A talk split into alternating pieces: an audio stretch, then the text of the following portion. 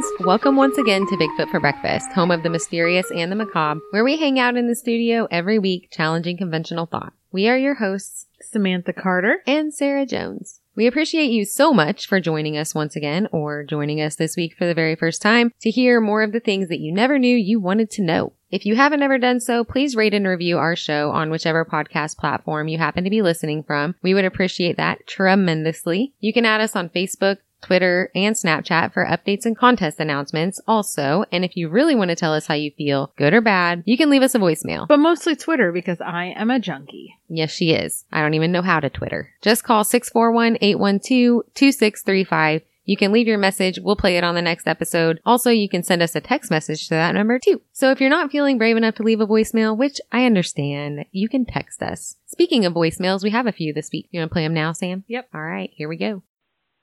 Hey, Bigfoot for breakfast. This is Jason from Vermont. I'm calling because your intro music creeps me out, so I had my friend listen to it and I had to look it up.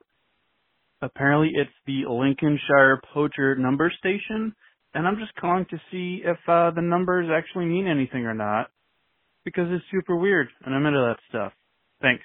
See ya. So that was Jason from Vermont. We want to say thank you so much for the voicemail and your encouraging words. And we're really glad that our intro music could do so much to creep you out. And we want to say great job on finding out what it was. We were pretty proud of that when we first implemented the intro music itself. So we thought we were being clever. Most importantly, I love the idea of inspiring other people to do research. I love it. And if you do any research into the Cold War number stations, there are some things in there that will really freak you out. I don't know if you guys have picked up on it, but we're pretty obsessed with the Cold War era stuff.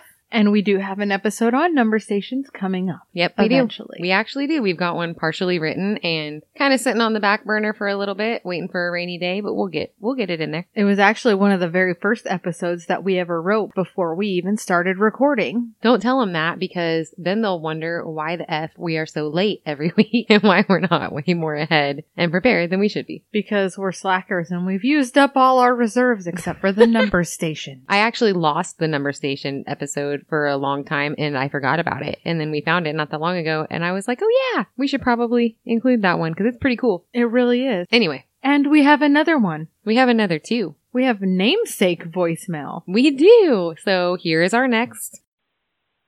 Hi, my name is Samantha. I am an avid podcast podcast. I got nervous. Podcast listener. Um, I was moving into my new place last weekend and wanted to listen to something, and for some reason, I wanted to hear some more about Ruby Ridge.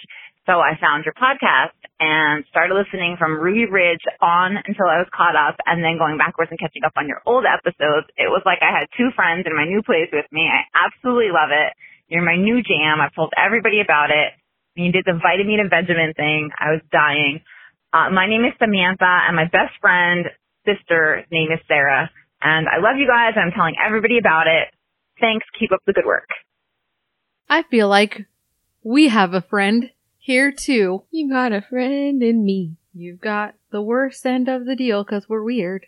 yeah, really, it is awesome that you liked our show and that you could feel like we were there with you hanging out. But But can we let let's be pen pals? Send us a message. Let's let's be friends for real. she's literally bouncing in her chair. So anyway, Samantha, thank you very much for the voicemail. We really appreciate it and we're glad that you like the show. And we love being binge listened to. Yeah, that sounds great. Right? Can I binge listen you? Uh, yeah. please do? Okay, so let's move on to our last but not least voicemail. We're gonna do some in-depth research into the next topic. Yeah, this next suggested topic. So thank you, Brad, Brad. we knew it was you the whole time. You liar. Right when you started talking, I was like, I know this guy. He did okay at disguising his voice to begin with, but he has a very distinguished laugh. And the way he speaks. There's Yeah. something about his speech pattern. We've already got you figured out. You can't hide from us now. You can't hide from us ever. Hey, this is Chuck Davis out of Omaha, Nebraska. Um, I was wondering if you guys heard the, you know, this cool story actually ties into the Men in Black. It's called the Zombie Butts from Uranus. Hey, this is Chuck from Omaha. Chuck Davis from Omaha. So first of all, for the record, I really enjoy our prank calls. Yeah, that was a good one, actually. That really was a good one. Uranus. Grow up, Brad. There's actually like a um, Uranus, Missouri, and they have a fudge shop, and the slogan is "The best fudge comes from Uranus," and it's on my list of road trip like road trips that need to be taken. So you can get fudge from Uranus? Yes. No, you don't. No, I don't. His fingers smell like his butt.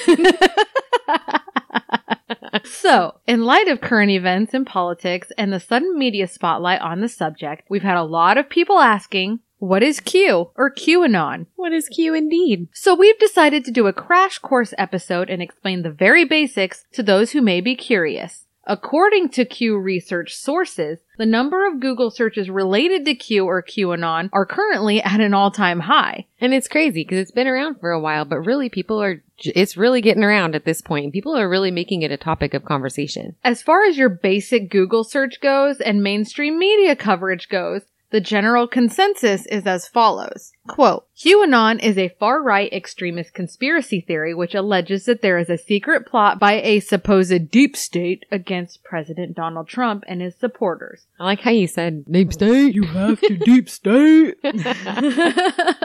anyway, So, according to these MSM sources, no part of the theory has been shown to be based in fact. We've discussed our stance on wearing the title conspiracy theorist in previous episodes, and as I've said before, I'll wear the tinfoil hat now and again. But we do make a point to do the research and not just take the theory as a whole as fact in most cases. And as to the claim that none of it seems to be based on fact, that is not true. it's false. There are claims where there is no fact, and I will say that, but there are some little tidbits of truth to some of these theories. And it's really funny. I'm not trying to come off biased right from the get go because I'm not really. But the fact that immediately when you look up any kind of explanation for QAnon and you get into like a mainstream definition or from Google, you know, something of that sort, they're immediately pushing that this is a conspiracy theory agenda. They seem to be pushing you within their definition even to believe that it's crazy. There's nothing based in fact. Nothing to see here, folks, and I'm not saying that I 100% follow the whole thing, but you know, immediately within the definition, it's pushed as false. All of it is false. But when you really start looking into it, it's like, well, not all of this is false. And it really opens your eyes to just, oh, I read about this part of what Q says. Maybe I'll just look into it a little bit. And then you look into it yourself. And then you read about this part of Q and you're like, oh, I'm not sure about that. But it's encouraging you to do your own research piece by piece. they sell it as this large conspiracy theory, which is what I looked for going into it. But really what the base of Q is, is an individual or three or four or a small group of individuals posting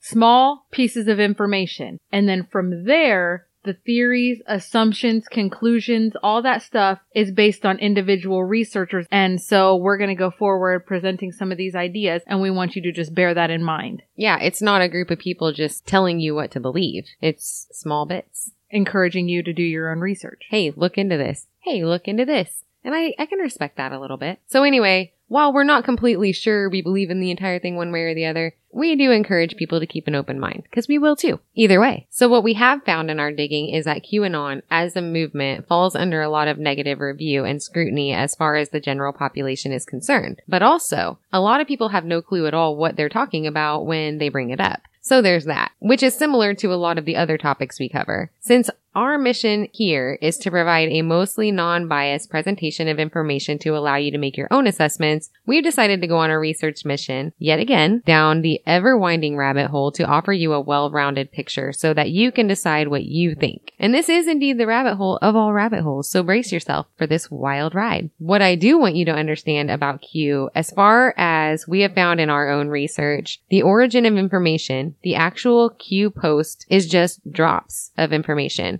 What the Q followers conclude from this information may or may not be accurate. As with any other movement or theory, there are always extremists. And not to sound too derogatory, but there are the crazies who add their own insane spin on the core information, which just takes away from a lot of the validity of the original information. And that's all I've got to say about that, Jenny. Call me the White Rabbit and take this red pill. QAnon has made its mainstream debut in recent months. The most important question is, what is QAnon or who is Q? Where Where's this information coming from? So, it appears that the origin of Q was a post in October of 2017 in which a comment was posted on 4chan. First of all, what the F is 4chan? 4chan, like we said, is an anonymous website launched by Christopher Poole in October of 2003 which hosts discussion boards dedicated to a variety of topics. According to Wikipedia, as of June 2020, 4chan receives more than 22 million unique monthly visitors with approximately 900,000 posts made daily which gives us a little insight to its size. At the time that he launched the site under the username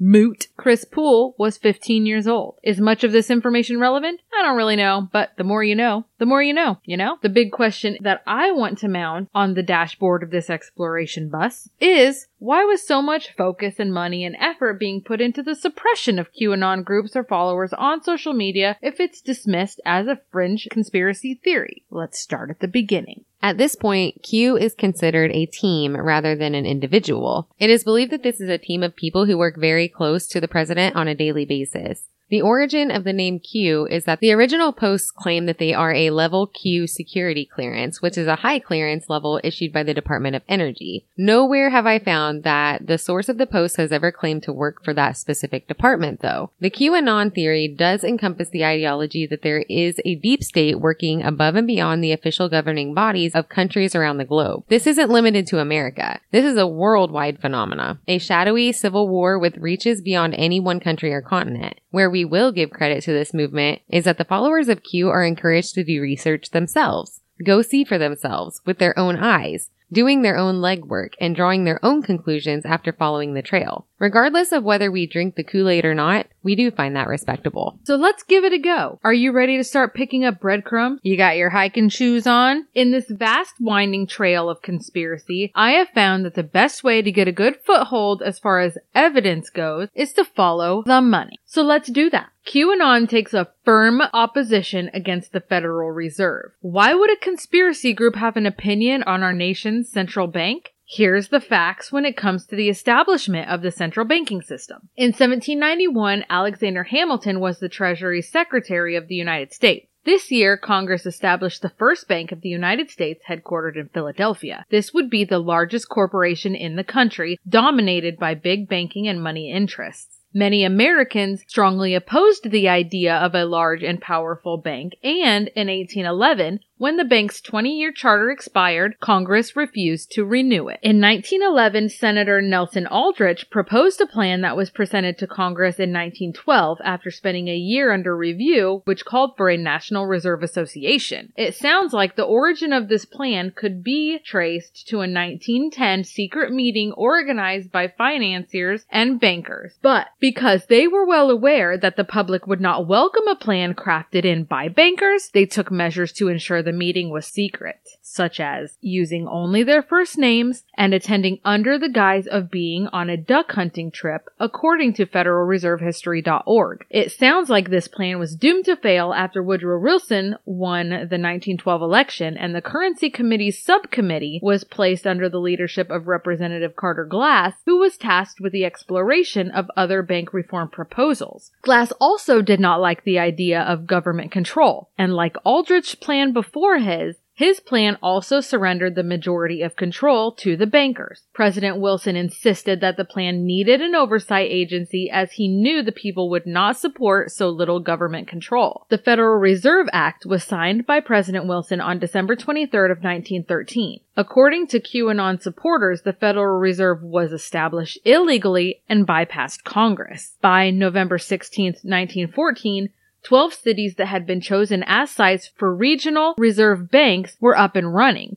just as Europe had erupted into the First World War. One of the greatest motivations for the establishment of the Federal Reserve was the outrage of so many Americans that the government had previously been bailed out by financier JP Morgan. So where the conspiracy comes into play is, based on what we can find, the writings of Eustace Mullins, who was a researcher at the Library of Congress in 1950. Apparently in 1949, Mullins was asked if he had ever heard of the Federal Reserve System, and at that time, At the age of 25, he had not. He was presented with a $10 bill marked Federal Reserve Note and asked to do some research at the Library of Congress on the Federal Reserve System, which had issued this bill. Mullins did the research and he completed a manuscript on his claimed findings. The publishing of that manuscript was rejected by pretty much every publisher in New York, home of the largest of the 12 central banks. Eventually, he was published under the title Mullins on the Federal Reserve, an updated version was then released in the 80s. Among the many revelations in his research, Mullins argued that the Federal Reserve Act of 1913 defies Article 1, Section 8, Paragraph 5 of the United States Constitution by creating, quote, central bank of issue,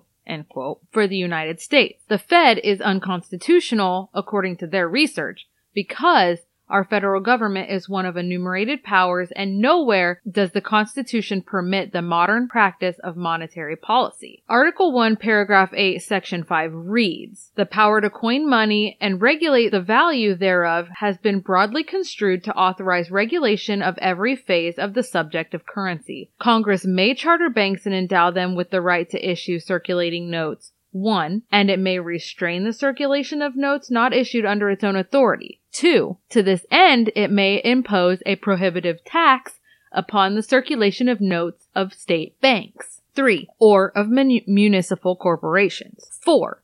It may require the surrender of gold coin and of gold certificates in exchange for other currency not redeemable in gold. A plaintiff who sought payment for the gold coin and certificates thus surrendered in an amount measured by the higher market value of gold was denied recovery on the ground that he had not proved that he would suffer any actual loss by being compelled to accept an equivalent amount of other currency. 5. Inasmuch as every contract for the payment of money simply is necessarily subject to the constitutional power of the government over the currency, whatever that power might be, and the obligation of the parties is therefore assumed with reference to that power. 6. The Supreme Court sustained the power of Congress to make sure Treasury notes legal tender in satisfaction of antecedent debt. 7. Many years later to abrogate the clauses in private contracts calling for payment in gold coin, even though such contracts were executed before the legislation was passed. 8. The power to coin money also imports authority to maintain such coinage as medium of exchange at home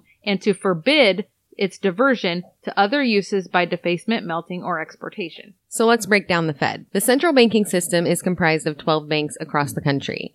The 12 Federal Reserve banks are organized into a corporation whose shares are sold to the commercial banks and thrifts operating within the bank's district. Shareholders elect six of the nine board of directors for their regional, regional Federal Reserve Bank as- Reginald? as well as its president. According to Mullins' updated report, the top eight New York Fed stockholders in 1983 were Citibank, Chase Manhattan, Morgan Guaranty Trust, Chemical Bank, Manufacturers Hanover Trust, Bankers Trust Company, National Bank of North America, and Bank of New York. Also, according to this report of Mullins, these banks are owned by about a dozen European banking organizations. And here's where the water gets murky. The most notable of these organizations are the Rothschild banking dynasty, which have stake in American financial institutions through the use of American agents. This gives them power over selecting the board of directors for a New York Fed and guides U.S. monetary policy. How does a foreign banking company gain this kind of control? According to modernhistoryproject.org, in the early 19th century, the Rothschild established a number of affiliates in the U.S. under city banks or city companies, identifying them as originating in the city of London. Remember, Citibank has been among the top banks owning shares in the New York Fed. The Citibank was established in New York in 1812 in the same room in which the Bank of the United States had operated until its charter expired. Citibank was managed by Moses Taylor for 50 years. Taylor's father had been a confidential agent for John Jacob Astor and British intelligence. Moses Taylor, like JP Morgan, doubled his fortune in the panic of 1837 by purchasing stock in the depressed market with capital advanced by N.M. Rothschild of London. Citibank prospered during the panic while most competitors failed. Percy Pyne came from London to work at Citibank and married Taylor's daughter. When Taylor died in 1882, Pyne became president of the now National City Bank. John D. Rockefeller's brother William Rockefeller invested in the bank and persuaded Pyne to step aside in 1891. James Stillman, Rockefeller's associate, then became president of the City Bank. William Rockefeller's son married Stillman's daughter, Elsie, and his other son, Percy, married Stillman's daughter, Isabel. James Stillman's father, Charles Stillman, had London connections as well, as he had been a Rothschild agent in Brownsville, Texas, and a successful blockade runner during the Civil War. So there's that. In 1903, Bankers Trust was set up by the eight families. Benjamin Strong of Bankers Trust was the first governor of the New York Federal Reserve Bank. In 1913, the creation of the Fed fused the power of the eight families to the military and diplomatic might of the U.S. government. Morgan, Chase, and Citibank formed an international lending syndicate per QAnon followers. It sounds like when JP Morgan bailed out the American government, it was likely with funds secured from the Rothschilds of London. And when he died in 1913, it was found that although he had been rumored to have been worth upwards of $75 million, it was actually closer to 19 million of securities in the entire estate. 7 million of which was owed to an art dealer. JP Morgan Jr. had to sell off many of his father's art treasures to pay the debts of the estate. Most of the huge sums handled by JP Morgan went directly to the Rothschilds, who are denied to officially have any part of American finance. That being said, strangely, the New York Times noted in its 1905 obituary of Baron Alphonse de Rothschild that he possessed some $60 million in American securities. Weird. Weird. So weird. So I know that that's a really confusing information dump, but ultimately what it boils down to is the very crude summary that there are a very small number of, of families in the world that control and guide the financial state of the world's governing bodies. And so we just kind of wanted to run through that so that we weren't just asking you guys to take our word for it. I wanted to show you and lay out where the familial connections were and where QAnon followers are picking up this information and running with it. So within this conspiracy, the families or bloodlines that quote unquote rule the world are listed as obviously the Rothschilds, the Rockefellers, Astors, Bundy, Collins, DuPont, Freeman, Kennedy, Lee as in L-I, Lee, Onassis, Russell, Van Dyne, Merovingian, respectively. Some of these names you will hear as we go on. Another aspect of the QAnon theory, as it pertains directly to the Federal Reserve, is that JP Morgan, who had been a huge proponent of the establishment for the Federal Reserve, found himself at odds with other wealthy financiers and businessmen who did not support the central banking system. One of these men were Benjamin Guggenheim, who was the son of a wealthy mining magnate. Isidor Straus, who was a banker, politician, as well as the co-owner of Macy's department store. Last but not least, John Jacob Astor, who was a businessman, real estate developer, investor, inventor, writer, lieutenant colonel in the Spanish American War, and a prominent member of the Astor family. You know, I was just sitting here thinking about romantic comedies. Oh, were you? Are you into chick flicks? Not really. I'm not necessarily partial. I prefer action hero movies and fantasy more often than not, but I have this guilty pleasure where I will binge watch Hallmark Christmas movies and other such romance films. I'm not with you on that. I'm especially partial to Leonardo DiCaprio films. I am too, but he's not in those. You're way off the subject. Is there a point? One of my favorite Leo DiCaprio movies is Titanic. Have you seen it? I think everyone in the Western world has seen Titanic. Do you remember the part where Jack goes to the rich people dinner with Rose and she's pointing out all the people of note? I know where you're going with this. Remember when she points out John Jacob Astor and states that he's the richest man on the ship and his wife is pregnant and trying to hide it? Yep. Then she points out Benjamin Guggenheim and his mistress stating that his wife is at home. Mm-hmm. Well, interestingly, Isidor Straus was also on the Titanic. Weird. Each of these men died on April 15, 1912, when the Titanic sank. Isn't it all the men that just opposed the central banking system? Even stranger is who was not on the ship. Hmm, I wonder who wasn't. JP Morgan was apparently also supposed to be on the ship, which is verifiable. He had a ticket, but he decided to lengthen his time abroad. He Oh. was present for the launch of the Titanic from Belfast on May 31st of 1911. This theory really actually predates QAnon, of course, and the fire is flamed as it was suspected that perhaps the Titanic was switched with its sister ship, the Olympic, and sunk intentionally as an insurance scam. A scam that obviously went horribly wrong. A little more gasoline to throw on that flame is that JP Morgan's International Mercantile Marine Company owned White Star Line. Others do have a different theory altogether that the ship was sunk to eliminate those three men so that they could move forward with the establishment of the Federal Reserve the very next year. Now, a lot of people will contend that nobody in government or any corporate entity would sink an entire ship just to kill three people. But have you met humans? I've met a lot of humans. They will do things like that. People will do awful things when it comes to money. So I'm not going to discredit that one because I believe humans would do that to other humans when it came to that much money. Especially peasants. yeah. Who cares about the peasants?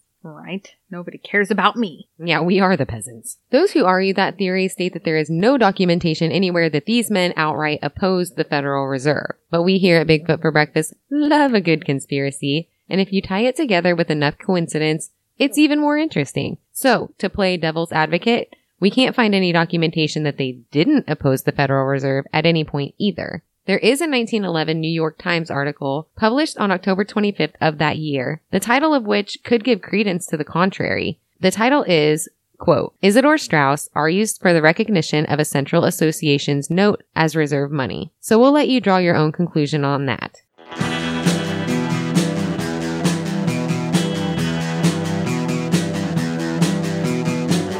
You're listening to the Prescribed Films Podcast Network, home to hundreds of hours of free podcast entertainment.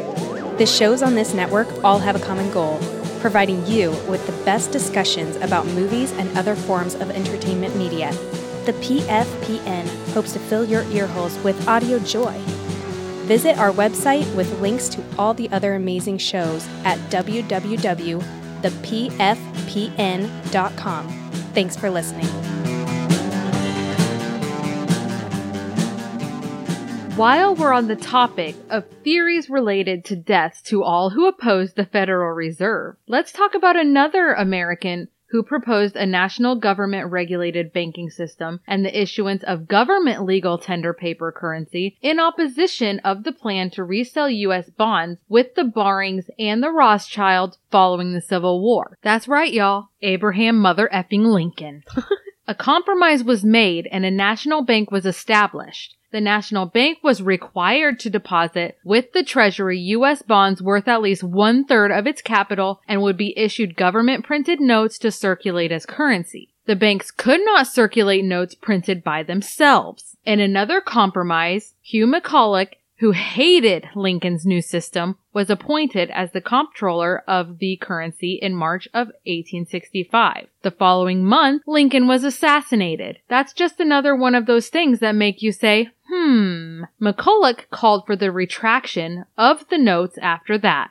And with that, a quote. I do not believe in big government, but I believe in effective government. In a government which meets its appropriate responsibilities and meets them effectively. Economic policy can result from governmental inaction as well as governmental action. What you are entitled to hear from me is, why is a change necessary? And what changes would I adopt? I start from the premise that the performance of the Republican Party has been inadequate in at least five areas of economic policy. End quote. End quote. To paraphrase and summarize the gist of this speech and those specific five areas, they are 1. Economic growth, 2. Unemployment, 3. Recurrent recessions, 4. Price inflation, and five, finally, there is proper concern about our balance of payments and the recent drain of gold. Quote, I submit that this is not a radical fiscal policy. It's a conservative policy, but we must have a flexible, balanced, and above all, coordinated monetary and fiscal policy. I do not, let me make clear, advocate any changes in the Constitution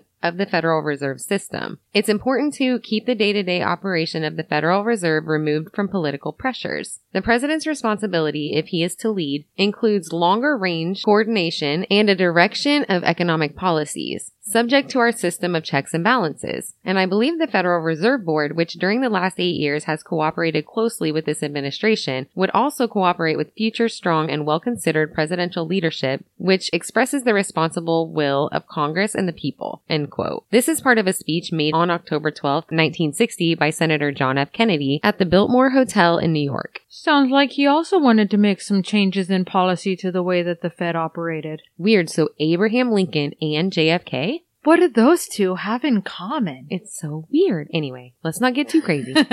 so on June 4th of 1963, Executive Order 11110 was issued by JFK which delegated to the Secretary of the Treasury the authority to issue silver certificates during the transitional period to eliminate the use of silver certificates and the use of Federal Reserve notes. One theory in regard to this executive order is that Kennedy was trying to rein in the power of the Federal Reserve in opposition of the increasing power of the billionaires, bankers, and power brokers, according to Jim Marrs in his book Crossfire among other proponents of Q. Apart from the Federal Reserve, I do encourage you to do some of your own research on looking into the coincidental occurrences in which governments around the world are overthrown, toppled, or restructured, and the new Rothschilds banks are built into those countries. Just throwing that out there. It might be worth a few hours of digging, and then call and tell us what you find, because I don't want to do any more reading right now. So, help a girl out. Haha, kidding. Kinda. yeah, we don't want to. You, you do it. You tell us. Yeah, go ahead and dig into that. So let's stay on track with the money trail and look at George Soros, who is a huge element of the QAnon conspiracy. I've been waiting to talk about George Soros. I'm sure you can understand why. Who is this guy? We hear his name thrown around all the time and see his face everywhere. So I went to georgesoros.com and according to his website, he was born in Budapest in 1930, is the chair of Soros Fund Management LLC, is one of history's most successful financiers, and his views on investing and economic issues are widely followed, and his philanthro- philanthro- philanthropic organization, the Open Society Foundations, supports democracy and human rights in more than 100 countries. Sounds like a downright upstanding guy, right? So why all the negative talk? George Soros moved to the US in the 1950s and he has a net worth of around $8 billion, last I heard, give or take, I think. The Open Society weighs in at about 25 billion in assets. According to a BBC article in the UK, Soros is known as quote, the man who broke the Bank of England in 1992. It sounds like he and other currency speculators borrowed money and then sold them, driving down the price of sterling on currency markets, forcing the UK to crash out of the European exchange rate mechanism. In the process, he made a cool billion and he continued making money from there. According to QAnon supporters, Soros is behind the funding of countless efforts to destabilize and create division and to maintain control. Soros is believed to be a financial donor to organizations like NAMBLA, the North American Man Boy Love Association, as well as paying people to riot and cause destruction and discourse under the guise of civil rights activism, which is, you know, controlled opposition, if you will. Um, we're going to steer clear of that topic, but we did want to throw in there that it is a big part of this all-encompassing conspiracy. It's just that we don't want to necessarily say that that's true for sure because there's not necessarily a paper trail that we can find. I didn't look for it because I don't want to touch on current hot civil rights topics. Good idea. Period. It's probably just something we should kind of stay away from and stick to the facts. We here at Bigfoot for Breakfast aren't political commentators. Yet, they'll call us. CNN keeps calling me, but I'm like, bro, nah. Bruh. Bruh. Let's touch on a different social issue in which Qers have firmly fixed their eyes. Child sex trafficking.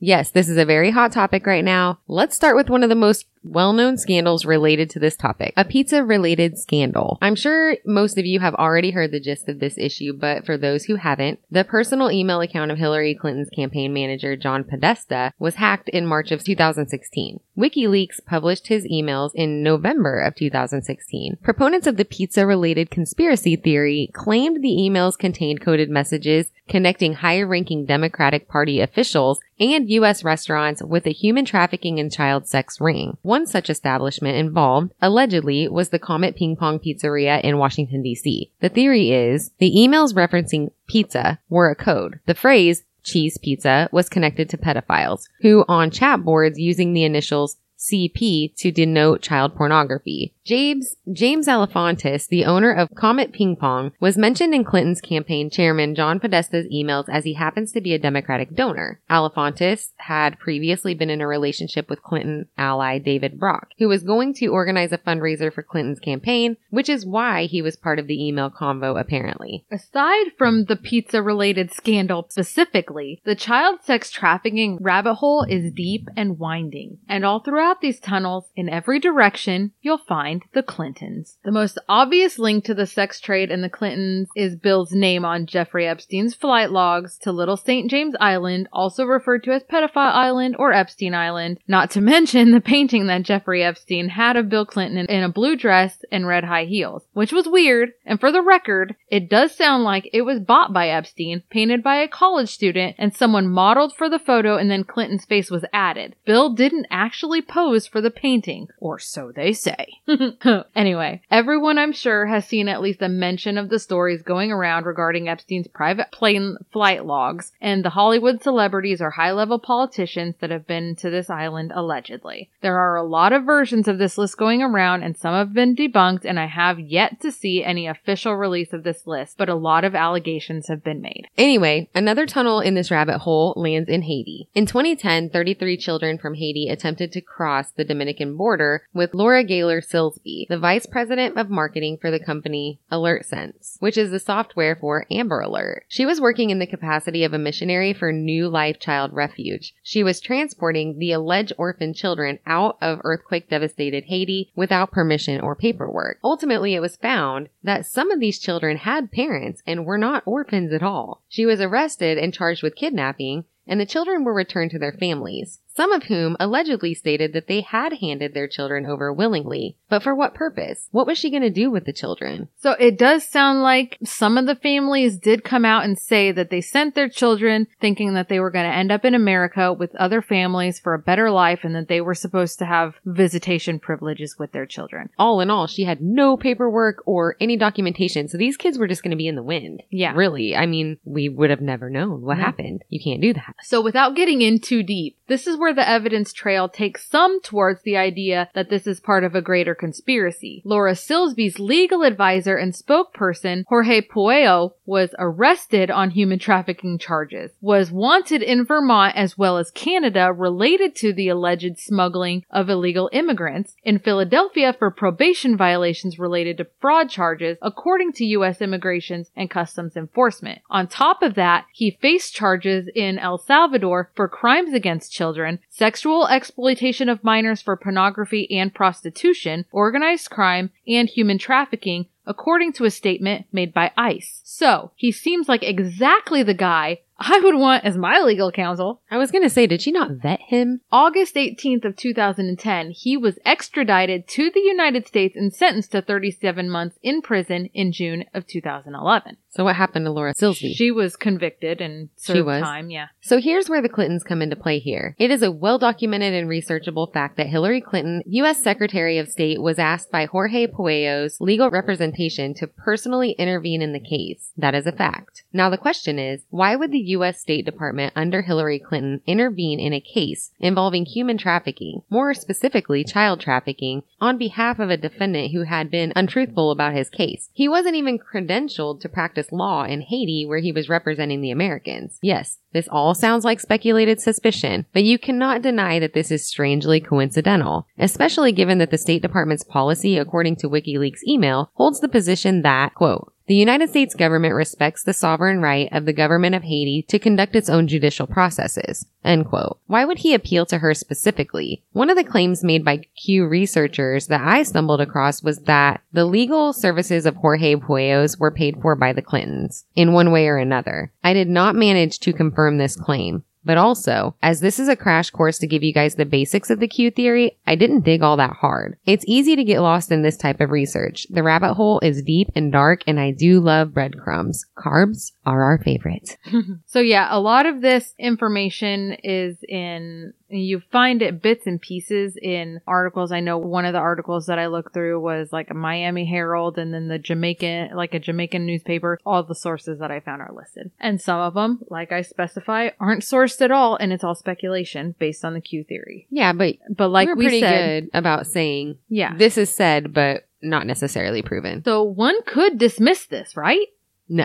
Were it not for all of the other arrows pointing right at Secretary Clinton, not only when it comes to the whole child trafficking ring, but scandal in Haiti alone. The Q theory, as I said, is all encompassing and ties together so many major scandals linking them to the greater cabal. So, it couldn't avoid the discussion regarding undeniable mishandling of funds in Haiti by the Clinton Foundation. So let's open this can of worms, shall we? The Clinton Foundation website, adorned with adorable pictures of Haitian children holding hands and smiling, boasts the raising of $16.4 million immediately following the 2010 earthquake. The claims of scandal and controversy over the foundation's handling of the post-earthquake relief efforts in Haiti are numerous. This includes not only the claim that they promised funding for a hospital that was never delivered, but also that $3 million was rerouted and paid for Chelsea's wedding, which is information that apparently came from an email between a Clinton aide and John Podesta. So that money trail I could not find, I couldn't confirm or find specifically where the money would have came from or that it officially paid for wedding funds, but I'm just throwing it in there because it's part of the conspiracy. It's part of the all-encompassing. It's you know, something that's been said, but Yeah. we're not sure.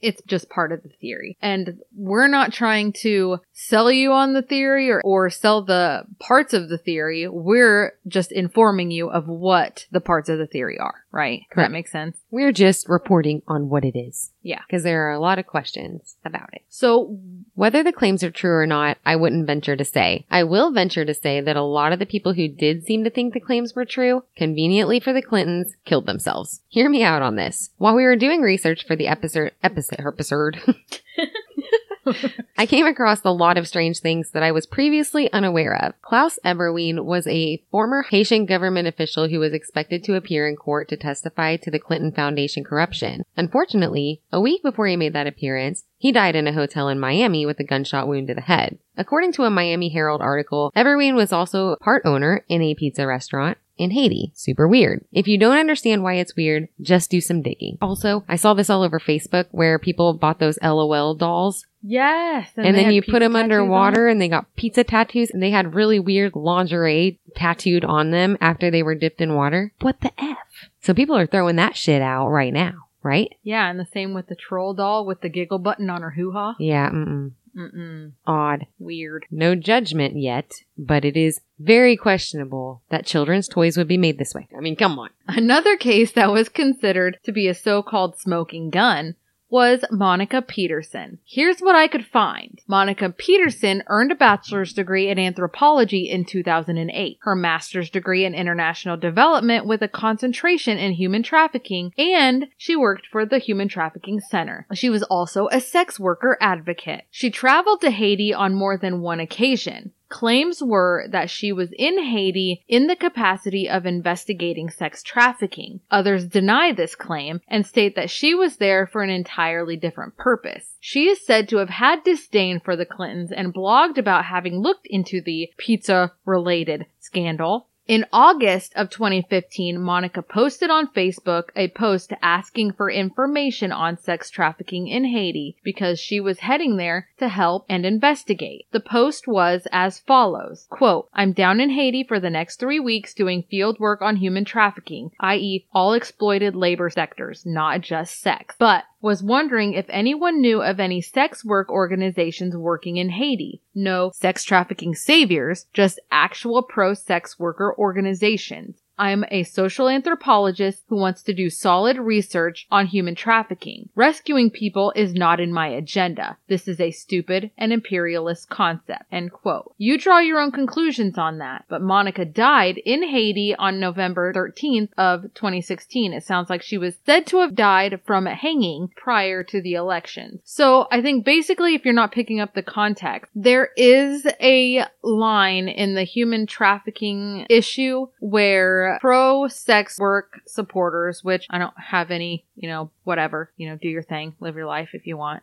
as long as you're doing it by choice. Where the people who are 100% gung ho, all sex work is sex trafficking, but she is an advocate for people who have made the choice to be sex workers and that's how they make their living. And she's trying to advocate for better working conditions for that choice of employment and not necessarily saying that all sex workers are being human trafficked. So that's where she's saying, I'm not looking for rescuing. I'm looking for organizations that are helping helping sex workers. You know what I'm?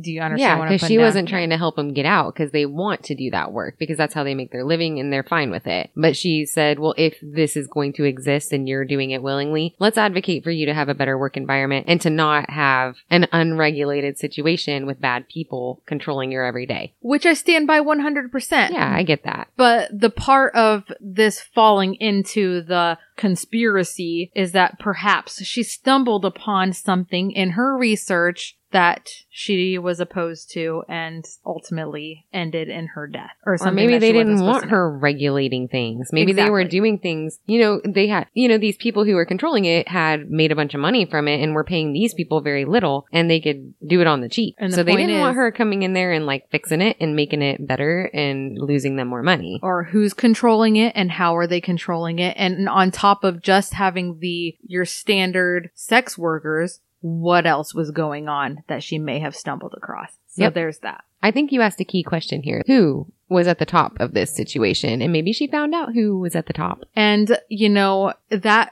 sort of work and organization is okay for some people but for people who may or not be involved in a high ranking government position probably shouldn't be involved in that sort of thing but we're not going to go into that we're going to move on Yeah. Dr. Dean Lorich, a surgeon who wrote an article expressing his disappointment with the medical response in Haiti after the earthquakes in 2010, voiced complaints regarding the Clinton Foundation in an email thread that was sent to Hillary Clinton by her chief of staff, Cheryl Mills. This email was released publicly by WikiLeaks. In December of 2017, Lorich was found dead in his New York apartment by apparent suicide. The police were called, and his daughter was there. The police were called by the doorman who reported an assault. Lorich is said to have stabbed himself in the chest and bled out. That is not how I'd kill myself. So wait, you need to elaborate more on his daughter was there. Is she like a young daughter? Did she Yeah, see it young happen? daughter. Just that she was present. She was present. Okay. Lieutenant Quarles Harris Jr. was said to be a key witness in a passport case involving Hillary Clinton, Barack Obama, and John McCain. It's said that he worked for John Brennan, gained access to Obama's passport, and not long after was shot in the head in front of his church on April 19, 2008. So I want to improv add to this. So when Obama was running against McCain, you and I were at such odds Mhm. because you were a delegate for Obama and Yep. I was supporting McCain mostly because I really liked his running mate, Sarah Palin. I remember liking Sarah Palin. I just didn't like John McCain. Yeah. So here's the thing that I didn't know about John McCain. Apparently, he had a lot of really deep ties to some real bad people. And one of the aspects of the conspiracy that we don't even touch on in here because I didn't feel like we really needed to get into it. But I'm going to get into it since you brought this up. I um was reading and so there was apparently a thing where there was four Taliban leaders who were killed in an attack and it was reported as five Taliban leaders and then that was mysteriously before John McCain died and then part of the theory was that when he was buried the flag on top of his coffin was wrinkled which is the mark of a traitor I didn't know that. I didn't know that either. And I don't know if there's much truth behind it. I just read the theory, but it was one of the things that I stumbled across in here that I was like,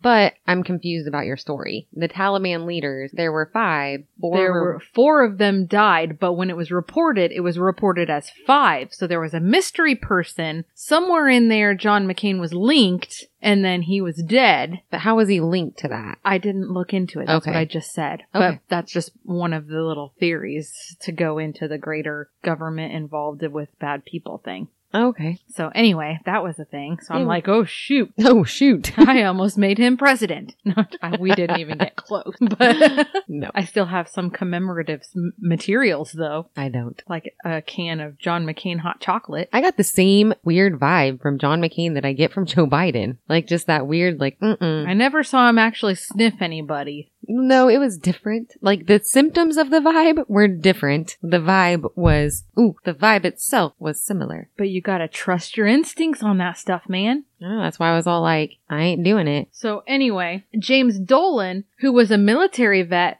who had served in Fallujah in his second deployment, committed suicide, as well as Aaron Swartz, who is said to have taken his own life after facing prosecution for an information hack and release. Please do some independent digging on these cases as well. Seth Rich, this is the one I'm super familiar with, Seth Rich. uh, was shot twice in the back of the head while walking home on July 10th, 2016 in Washington, D.C. Nothing was stolen from his body, but he happens to be the one who leaked the DNC emails to WikiLeaks and Julian Assange, the ones written by Hillary Clinton, or that were hacked into her email. He hacked it, right? No, he just leaked it. He leaked it. Yep. But James Dolan and Aaron Swartz are also related to hacks and software. So anyway, they're also computer related. I didn't mention that when I read it. Okay. But Later leaks are said to have revealed that a hit was put on Seth by Debbie Wasserman Schultz. and the reason that that was thought was that the emails used the term wet works, which is a um like a slang term for like assassinations or murders or whatever. So Debbie Wasserman Schultz was a chair for the Democratic National Committee, a really high ranking one. She was up there. Big deal. So Richard Cousins, CEO of Clinton Lake Compass Group, helped to build the Clinton Presidential Library in Little Rock, Arkansas. His son Will worked for Open Britain,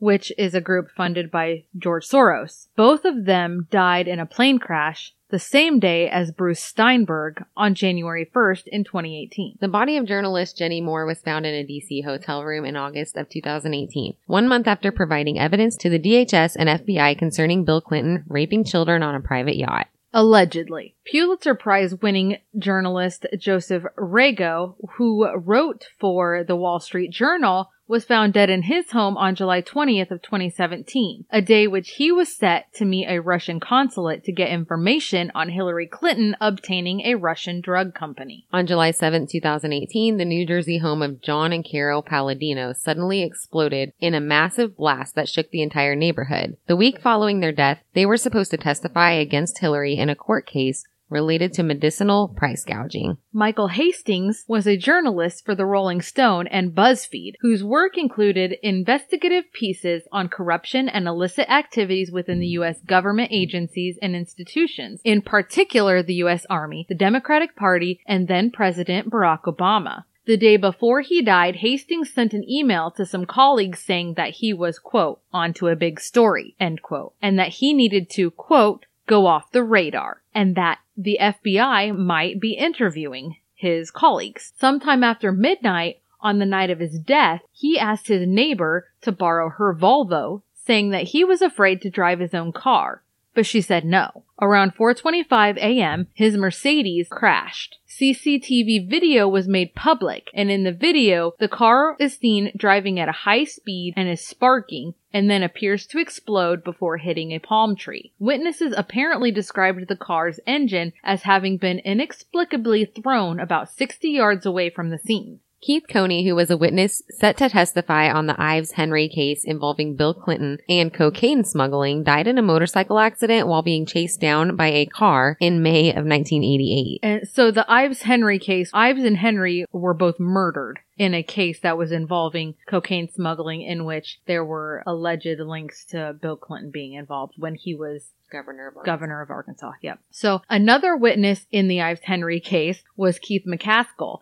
He had information pointing to the guy's deaths being murders to cover for Bill Clinton and Mena. He warned his family that he was being targeted and told them goodbye. On November 10th of 1988, he was stabbed to death a total of 113 times. Gregory Collins was also a witness to the murders of Don Henry and Kevin Ives, who had come forward with information but was murdered before he could testify. He was shot in the face in January of 1989. And that's not all, folks. James Milam was an informant in the cocaine cover-up run by Bill Clinton, allegedly, and was found dead in his home on May 10th of 1987. His death was ruled a suicide. It was said that he died apparently from an ulcer and his dog ate his entire head, but his head was found a few blocks away and it appeared to have been cut off by a knife, which is weird.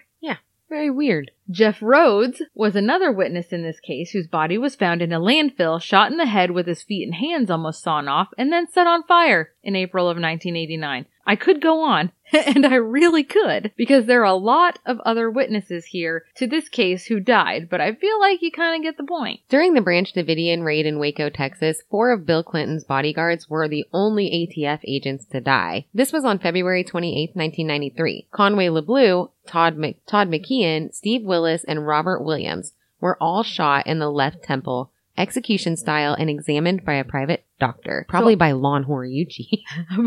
Lon Horiuchi. Lon. So there are also two helicopter crashes in different years and different situations, which involved private bodyguards of Bill Clinton as well. One in Germany and one in Virginia, which I found to be odd. hmm If you want to follow that rabbit hole, Google the Clinton Deadpool or the Clinton body count. There is a link in our cited sources with a Twitter account which laid out the list in an easy to read format in 2018. Thank you, Robert Horan or at Robbie12692. I emailed him. I want to be friends. He's an independent researcher. You have to talk louder. I said I emailed him and I want to be friends. Very good. Fashion designer Kate Spade was involved in two Clinton Foundation projects, and she was found hanging by a scarf in a hotel room. There was a lot of conspiracy rumors around her death as well as the death of Anthony Bourdain. I'm not going to get into too much detail on those stories because you can totally get lost in it, and I don't want to get too diverted from the overall picture. I do encourage you to do your own digging. I really hope to get some emails, calls, and feedback about this type of information and other people's conclusions after their research. So don't let me down, y'all. So I have a bad feeling though. I've been on Reddit and there's a lot of anti-Q subreddits, which is fine. Which is we- fine. We go both ways here, like explaining all sides to the story or encourage you to look into all sides of the story. But I feel like we're going to get some hate because they are super mean. Like so mean. Well- but that's okay. And I stand by. If you find legitimate evidence that proves that this stuff is wrong, then, you know, high five. It's And wrong. Post it to our Facebook. Tell us why it's wrong. Yeah, give us some good sources because we we really do like to dig into all sides of this. It's not something that you jump into headfirst and just, you know, become a cultist with a Q.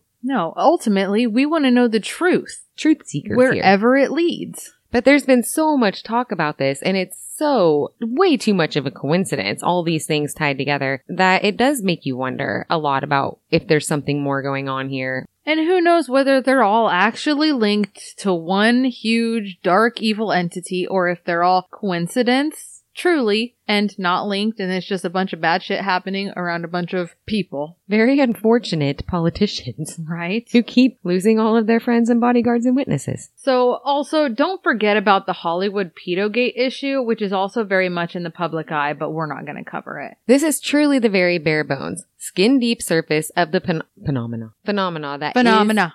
that is Q. Oh yeah, I wanted to talk about one more extreme idea that a few followers of QAnon hold, which is the idea that Robert Kennedy Jr. faked his death in a plane crash to avoid assassination and is planning to come back as the great unifier. They call it the return of the king. And Q actually has blatantly told them that this is not true on a 4chan post. So I guess we'll hold our breath for that plot twist. Well, and then there was one argument that when Q posted, well, somebody said, is John Kennedy Jr. gonna come back? And Q said, no. Because he passed away. But the theory on that was John Kennedy Jr. is no longer a junior. oh. Oh. So maybe it's a diversion.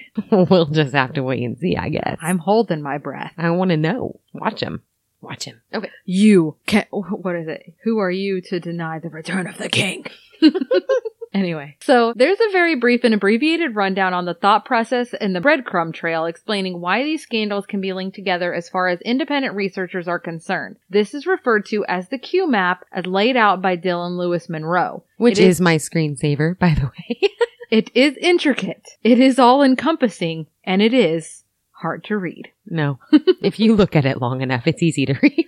but it does inspire one to think about things. There's also a Q clock that you can look into if you're interested in digging deeper for your own curiosity. Ultimately, Q is summarized by its followers as a symbol of hope for a better world through the downfall of essentially an evil empire that is secretly running the world. The movement is marked by phrases like the calm before the storm, draining the swamp, future proves past, follow the white rabbit, those who know cannot sleep, trust the plan, united we stand, divided we fall. And my personal favorite, Where, we, go, one, we, go, all. We like the idea of hope. We like the idea behind the Great Awakening as it pertains to general public becoming more aware of the greater processes that govern them and coming together, uniting as a society, and the concept of a great new world. We're definitely dreamers here at BF4B, but as always, we maintain our ever-present level of skepticism. So there you have it. Thanks for listening to this week's episode, and I hope we don't get disappeared from the internet for using some of the Q terms and stuff, because another thing that I did find while trying to research both pro and against viewpoints is that a lot of pro QAnon sources have been removed from search engine results and they've been demonetized. So there's that. Thank you again for listening to Bigfoot for Breakfast and once again following us down the rabbit hole. Keep listening as we continue to spiral down through various mysteries of the universe. If you want to contact us for any reason, shoot us an email at bigfootforbreakfast at outlook.com, send us a Facebook message, or post on our wall. We love memes. Let's get interactive, so send us some memes. You can also follow us on Instagram and send us a message